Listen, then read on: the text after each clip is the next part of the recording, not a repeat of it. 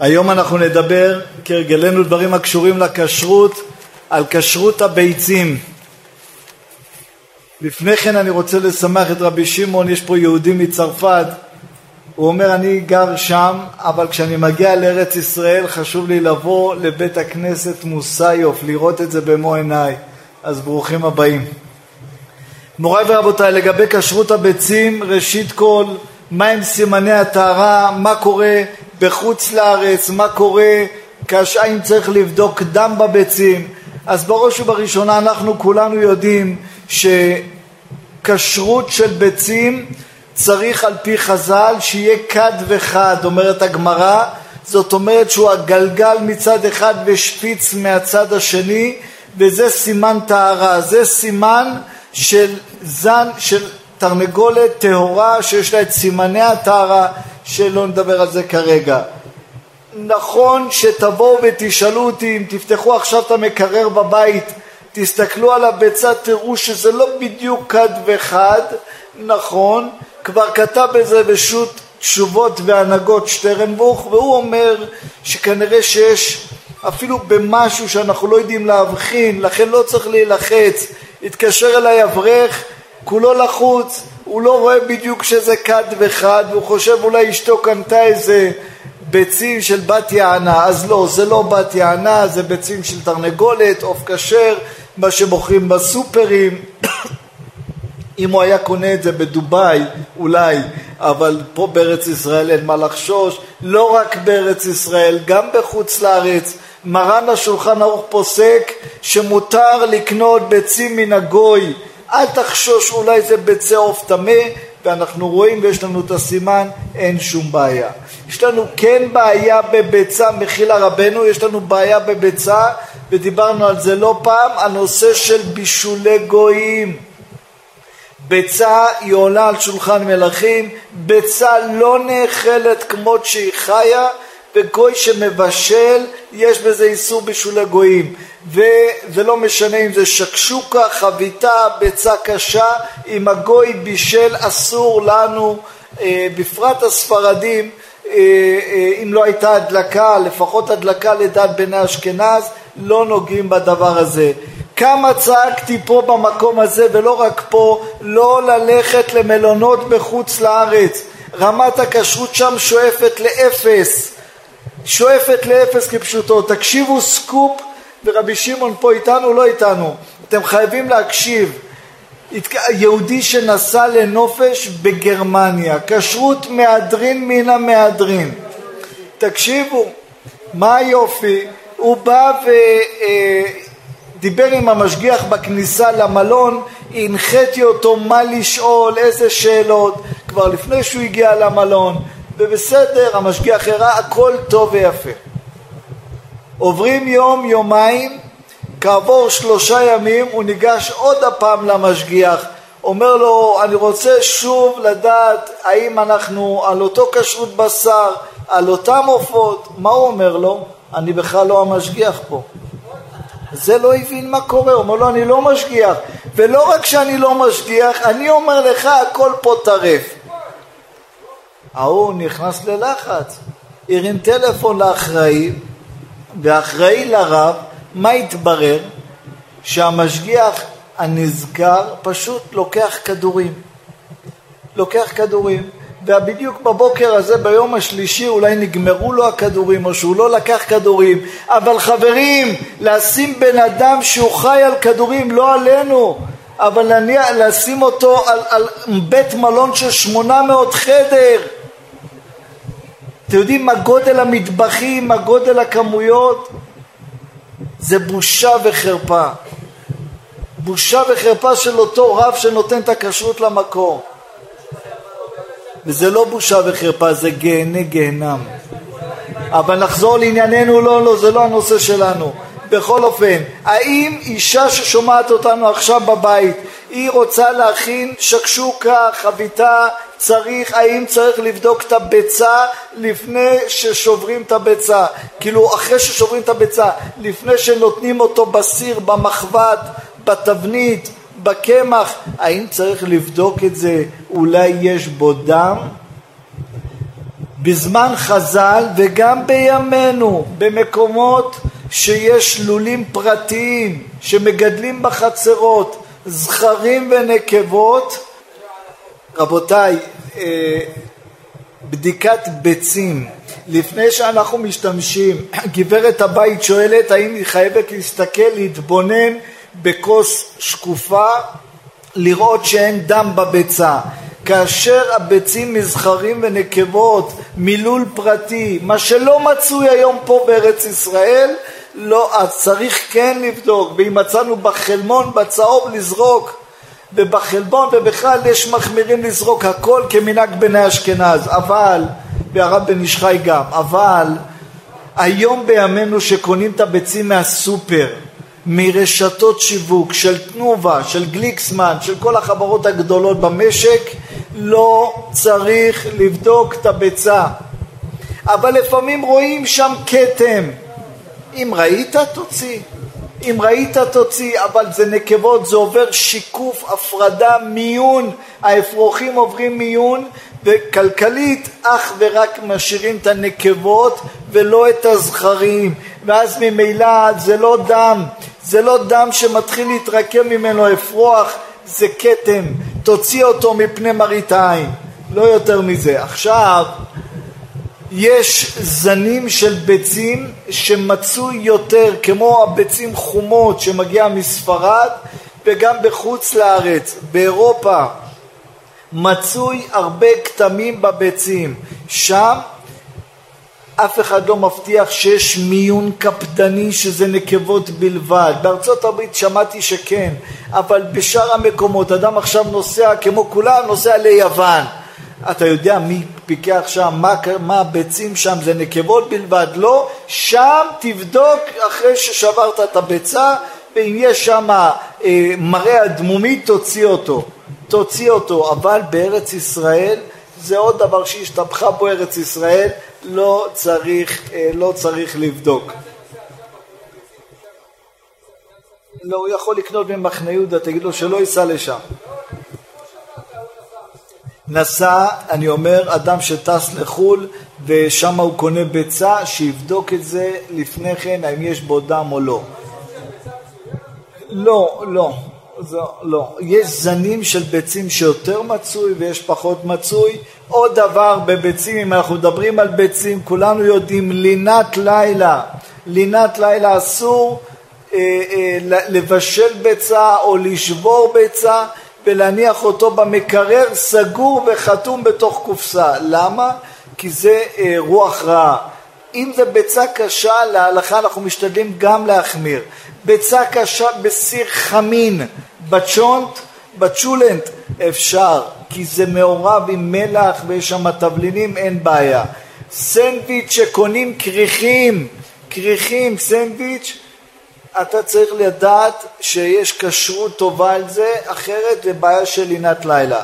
יש הרבה אה, אולמות רבנות שמביאים ביצי סלב. ביצי סלב בכשרות רבנות, אה, זה מגיע מאירופה, האם, האם מותר ביצי סלב, האם אפשר, האם זה לכתחילה, למה אין על זה בד"ץ? ביצי סלב, העוף סלב מצוי באזור הצפון, הוא הביצים שלו קטנים ויש להם שם גם נקודות כאלה, מי שמכיר את זה, אבל בדרך כלל מביאים את זה מחוץ לארץ, זה יותר זול להביא את זה משם. אנחנו בנס ספרד סוברים שסלב, העוף, סלב, יש עליו מסורת. הרי מרן השולחן ערוך פוסק, ללא מסורת לא אוכלים עוף, גם אם יש לו סימני טהרה, זפק, אצבע יתרה, קורקבן נקלף, לא משנה. אנחנו צריכים מסורת. מה זה מסורת? הסבתא שלך אכלה את העוף הזה, תאכל. ופה אני פותח סוגריים, כל אלה שמפרסמים חוברות בשטיבלחים, עוף פטם, לא לאכול אותו, אסור לאכול היום עופות, ולמה? כי יש החלאה, ופעם דיברנו על זה שיעור שלם. מכניסים ללחץ את הציבור. שלח לי מייל אותו אחד שעושה את כל הבלגן. אמרתי לו, מה כבודו רוצה ממני? אתה צריך לפנות לרבנים הגדולים פה בארץ ישראל, לראשון לציון, לכל כולם, תפנה אליהם, ואם הם יגידו שהיום אין מסורת לתרנגולות, אתה בסדר גמור, אז לא נאכל. אבל איני יודע, כתבתי לו, שהיית אצל הרב יצחק יוסף, היית אצל הרב שלמה משה אמר, היית אצל הרב מחפוד, אצל הרב רובין, ולא נעים לי לומר, אני אגיד את זה בסלנג שלי, כולם יראו לו את הדלת החוצה. אז אמרתי לו, אז מה אתה רוצה, שסתם נחמיר על הציבור? שהם יגיעו, והוא מחלק חובות בכל הארץ. אני יודע, ולכן רבותיי, לא, כרגע לא להטיל מום בקודשים. יש כאן, כולכם מכירים, חכם בשם הרב אלון עטיה. הוא התקשר אליי השבוע ויש לו שיעור קבוע בעיר, באר יעקב. היום זה עיר. ויום אחד הוא לא היה, הביאו מחליף. מי המחליף? רב אחד. מי זה הרב? לא משנה שמו. אמר להם אל תיגעו בבשר, אל תיגעו בעופות, הכל נבלות וטרפות. כל הבד"צים נבלות בטרפות, הטיל מום בקודשים. רבותיי, אלה אנשים שמדברים, ואני לא יודע אם הם ראו פרה או ראו תרנגולת. לכן, לא להתייחס, לא לפחד, הנה הרב יתרו, לא להכניס את הציבור ללחץ, כן לקנות בכשרות טובה, חכם עובדיה היה אוכל, כל גדולי הדור היה אוכל, הסבא שלך היה אוכל, למה לבוא ולהגיד שאכלו טרפות? עד מתי, עד לאיפה נגיע, ולכן לא צריך לשמוע עליהם. כן צריך להקפיד לקנות בכשרות גבוהה. אני חוזר לביצי סלב, ביצי סלב לנו בני ספרד. היות ויש עוף, העוף הזה, סלב, יש עליו מסורת, ממילא הביצים שלו מותרות באכילה. אבל אה, אה, לדעת בני אשכנז, שאין מסורת על העוף, לא אוכלים. זאת הסיבה שאין כשרות בד"ץ על ביצי סלב. מה קורה לגבי ביצי דגים? בצרפת, הקוויאר, הצרפתים אוהבים מאוד את הקוויאר, זה ביצי דגים שמיובשים בשמש ונותנים עליו מלמעלה שכבת אה, שעווה, דונה כזה, מסביב. צריך, אותו דבר הטוניסאים, יש להם, זה נקרא אדמחות. האם אדמחות? האם אפשר, האם לא אפשר, אבל כן צריך שתהיה כשרות טובה. כשרות שאפשר לסמוך. למה? כי ביצי דג צריך מיון קפדני שהביצים הם אכן של דג טהור ולא חלילה יתערבב שם של דג טמא. היוצא מן הטמא, טמא, לכן צריך זהירות בדבר הזה. מוריי ורבותיי, אנחנו נמצאים ערב שבת קודש, לא סתם ערב שבת קודש, שבת מברכים חודש אלול, אני לא בא להוריד מצב רוח לאף אחד, יש כאלה נכנסים ללחץ. כבר בחוץ ראיתי אה, מודעות על סליחות, אני יודע שאנשים עכשיו נופשים ובאמצע נופש, אבל השבת, נרצה או לא נרצה, אנחנו מברכים חודש אלול, אמרו בשם רבי חיים בן עטר, פרשת ראה חל בשבת מברכים, דורשי רשומות, ראו אלול הגיע, ראשי תיבות של ראה, ראו אלול הגיע. כולנו יודעים שאלול, חוץ מאני לדודי ודודי לי, זה ראשי תיבות איש לרעהו ומתנות לאביונים. מה זה פורים? לא, זה לא פורים. איש לרעהו, אם אתה רוצה לעבור את החודש אלול כדי שנגיע לראש השנה זכאים בדין, עליך להקפיד מתנות לאביונים זה צדקה, צדקה תציל, כולנו יודעים, אבל גם איש לרעהו. מה זה איש לרעהו? לרחם על הבריות, להבין את הבריות, לשמוע את השני, שאדם יהיה אכפת לו, איש לרעהו מהזולת, אז כל המרחם, אומרת הגמרא במסכת שבת, כל המרחם על הבריות, מרחמין עליו מן השמיים. אבל אדם חלילה שלא מרחם, אומרת הגמרא, לא מרחמים עליו. אומר רבי חיים שמואלביץ, גם אם יש בו תורה ויש בו מצוות, אם הוא לא יודע לרחם, מה זה לרחם? להקשיב לשני, לשמוע את השני, לא מחייב כסף, לא. תשמע אותו, תרחם עליו, אכפתיות. כמה אנחנו בתפילה מבקשים רחמים.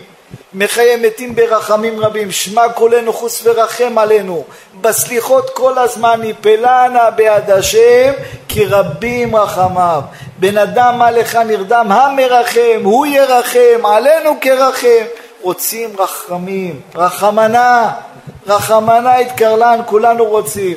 בברכת המזון, האל אזן אותנו בחסד וברחמים, רחם עלינו. אומר הקדוש ברוך הוא אין בעיה, אני ארחם עליך, אבל דבר אחד, אומרת התורה בפרשה שלנו ולא ידבק בידך וכולי ונתן לך רחמים וריחמך מתי ייתן לך רחמים? מתי שאתה מרחם אתה אכפת לך, אתה יודע שאשתך חזרה מהשוק, חזרה מהקניות, חזרה מהעבודה, אולי צריך לרדת לעזור, אולי צריך שאתה תלך במקומה, לא, אני יש לי עכשיו... לא, זה רחמים. אולי הבן אדם שבא לבקש צדקה בבית הוא צמא, חשבת על זה? אולי הוא צמא? צמא, לא יותר, צמא, כוס שתייה הוא מסתובב מסכן כל היום בסביב הבניינים, אולי הוא צמא, תרחם עליו. החזון איש היה הולך ברחוב, היה רואה שבלול בחורף, שבלול, היה מרים אותו. אמרו לו רבן, הוא אומר לו שלא ידרוך עליו מישהו. כותב בספר רוח חיים שאם הוא מרחם על אחרים הוא מעורר התערותא דלעילא בשמיים באים ואומרים זה מרחם אנחנו נרחם עליו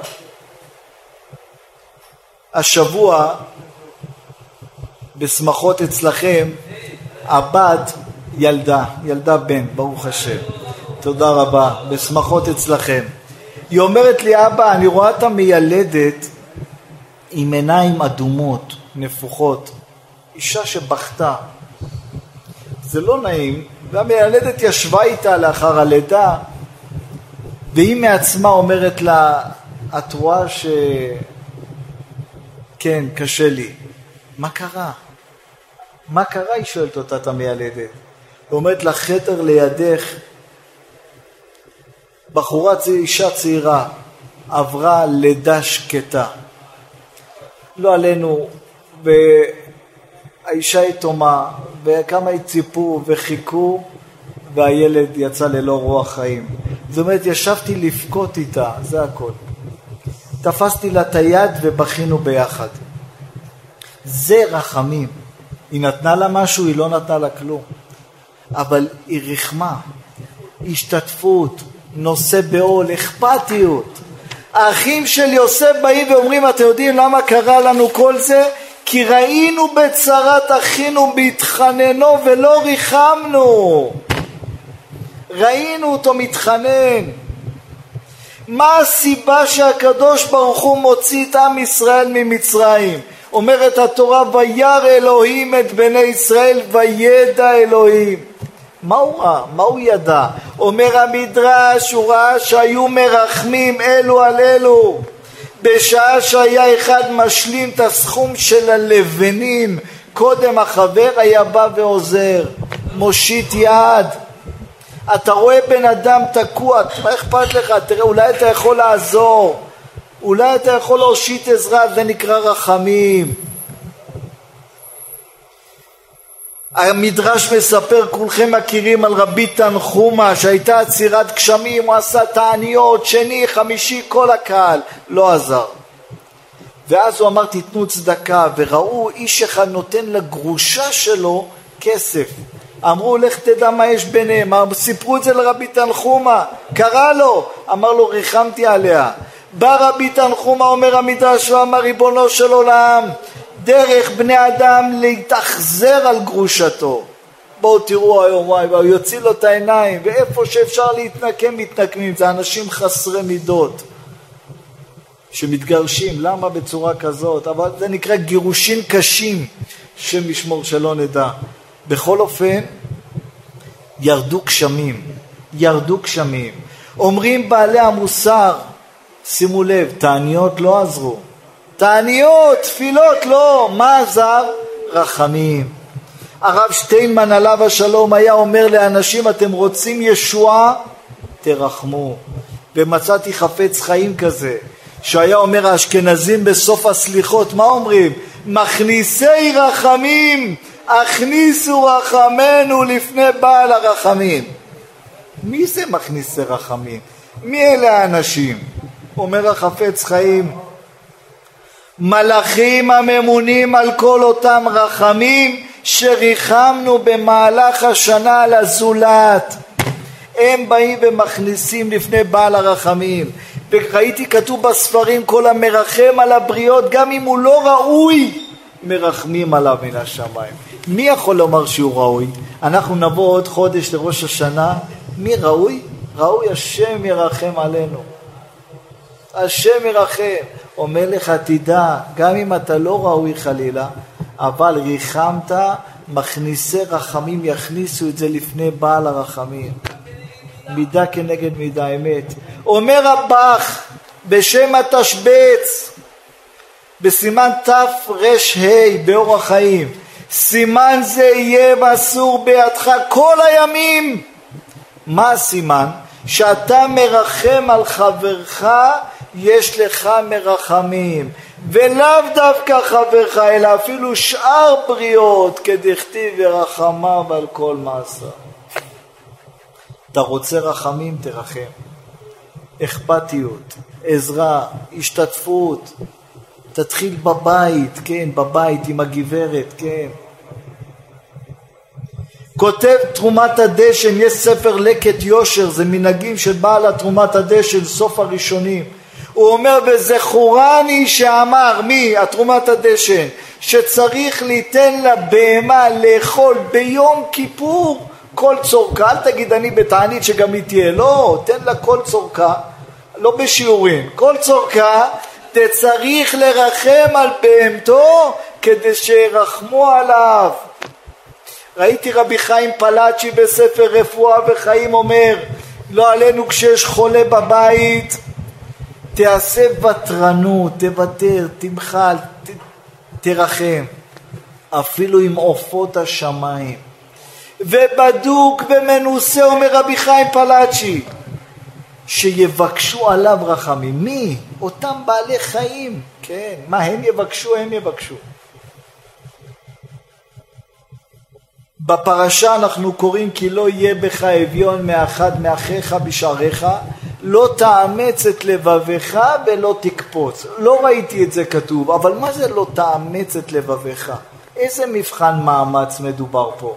לא תאמץ את לבבך, לא תקפוץ אני מבין תביא לו צדקה, מה זה לא תאמץ את לבביך? לעניות דעתי, תרחם עליו. גם תיתן לו משהו, אבל תשתתף איתו, תדבר איתו. הגמרא אומרת, המפייסו יותר, תשמע אותו. יעקב אבינו אומר לילדים שלו, ואל שדי ייתן לכם רחמים לפני האיש. מתי? אחרי שלכו תביאו לו קחו מזמרת הארץ בכליכם, מעט צורי ודבש וכולי, כן. לכו תביאו לו, תרחמו, ואז מה? האלוקים ייתן לכם רחמים כי רחמתם עליו. אתם מבינים מה כתוב פה? מדי בוקר אנחנו אומרים בעקדה, משתדלים, ותראה לפניך עקדה שקד אברהם אבינו, וכבש רחמיו, כן יכבשו רחמיך. אומרים הילדים של הרב שלמה זלמן אוירבך, עליו השלום, הוא לא היה נותן להם מוסר, תהיו גדולים בתורה. הוא היה אומר להם, תרגישו את הזולת, אכפתיות מהשני, תרחמו על השני, תשתתפו איתו בעול, זהו. ורבותיי, יש הרב הרצמן, הוא הוציא ספר, הוא היה בזמן מלחמת העולם השנייה בשנגחאי, הוא ניצל. הוא כותב, אני אקריא לכם מה שהוא כותב: הנושא על כתפיו את צרות זולתו, לפעמים אדם אומר, עזוב אותי אני, מספיק לי הצרות שלי, זה טעות, טעות. הנושא על כתפיו את צרות זולתו, אין לו מקום לצרות של עצמו, וזוכה לסייעתא דשמיא לחסוך מעליו צער וצרה אישיים. אדם, אתה חוסך מעצמך, מה? תשמע את השני.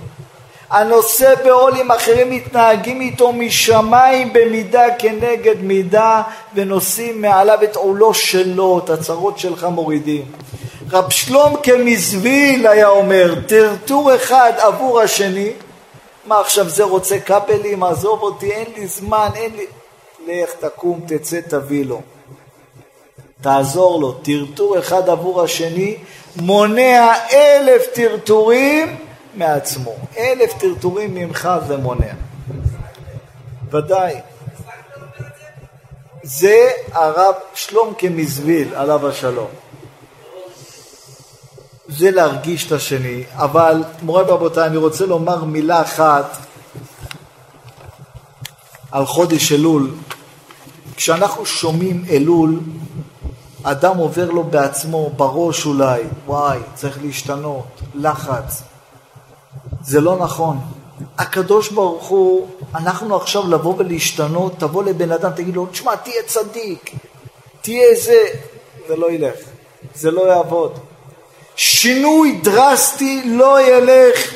הקדוש ברוך הוא אומר שייח, לא מצפה ממך עכשיו שינוי דרסטי. כי אתה לא יכול, אדם עם התאוות שלו, אדם עם ההרגלים שלו, אדם, מה עכשיו? אבל כן הקדוש ברוך הוא מצפה ממך תזוזה. אתם יודעים מה זה תזוזה? שינוי. תזוז, תזוז קצת. אומרים בעלי המוסר, כתוב בתורה מראשית השנה ועד אחרית שנה. למה? מבחינת העברית זה מחילה. או מראשית השנה, בה"א הידיעה ועד אחרית השנה, או מראשית שנה ועד אחרית שנה. מה זה מראשית השנה ועד אחרית שנה? פה הוא הוסיף ה"א הידיעה, פה הוא הוריד ה'. למה? אומרים בעלי המוסר, אדם מגיע בתחילת השנה, השנה, אני חביבי סטייפלר, אני אגיע להיות אוהב ישראל ענק, עצור. איך הוא מסיים את השנה? שנה. הוא התחיל בראשית השנה וסיים אותה בשנה. בואו, כדי שלא נתאכזב. אדם לבוא ולהשתנות לגמרי זה קשה, אבל כן אפשר על ידי תזוזה. מה זה תזוזה? קצת, קצת, תשנה, קצת, תתקדם, תזוז. מוריי ורבותיי, יש בעל חיים, אולי שמעתם עליו, שנקרא, שמעתי את זה מהרב שניאור אשכנזי, שנקרא בונה. משפחת המכרסמים. זה בעל חי חכם מאוד, יש לו שיניים חדות והוא כורת ענפים עם השיניים שלו, הוא, גע, הוא חי ליד המים, הוא עוסק לעצמו כמו סכר במים ושם הוא חי. חכם מאוד, אבל יש לו התנהלות טיפשת. מה? הפרווה שלו מאוד יקרה, דרך אגב, כיום זה חיה מוגנת. בגלל שהיו צדים אותו בשביל הפרווה, זה חיה מוגנת. למה צדים אותו? איך היו צדים אותו? הוא בעל חי שהוא הולך מהס... מהסכר, מהמים להביא את הענפים, בדיוק באותו מסלול שהוא הולך, באותו מסלול הוא חוזר. הוא לא משנה מילימטר אחד. בדיוק אותו מסלול, שם הלכתי, שם אני חוזר. מוריי ורבותיי, איך צדים אותו? פשוט, הציידים ראו את הכיוון, איך הוא הלך, חופרים לו בור, שמים לו משהו מעל, כשהוא מרגיש שהקרקע לא יציבה, כשהוא חוזר הוא נעמד שמה, מה הוא עושה? לא זז, לא זז, עומד ובוכה. בוכה, תופסים אותו, נופל לבור, תופסים אותו. אומרים בעלי המוסר, אנחנו נדמים לאותו מכרסם, לאותו בעל חי. יא חביבי, תזוז קצת. קצת, תזוז, תזוז, קצת שינוי. כל השנה, בוא תנסה להשתנות, תנסה לתפוס את עצמך. לא מבקשים עכשיו שינוי דרסטי, אני אומר שוב. אומר הקדוש ברוך הוא למשה רבנו, לך אמור לפרעה, נלכה נא דרך שלושת ימים במדבר, ונזבחה להשם אלוקינו. אומר האבן עזרא, משה דיבר בעורמה לפרעה, אין בדעתו לסבוח, בדעתו לברוח. הקדוש ברוך הוא באמת רצה שבני ישראל יצאו שלושה ימים? זהו, לסבוח זה שקר, מחילה. מה כתוב פה? אומרים בעלי המוסר, כתוב פה יסוד, פרעה היה שליט, כמו היום על, על רוסיה, ארצות הברית וסין. הוא היה, הכל היה תחתיו, מיליוני אנשים.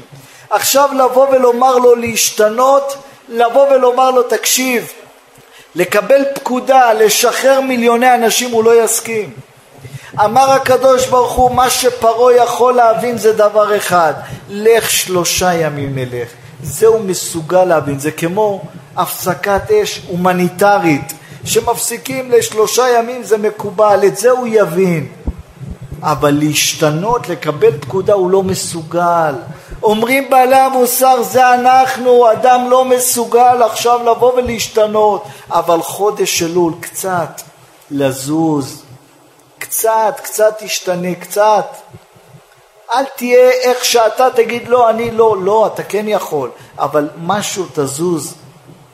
אתם יודעים, כולנו יודעים את הפסק שמופיע בשולחן ערוך, בעשרת ימי תשובה לא לאכול פת פלטר, פת של גויים.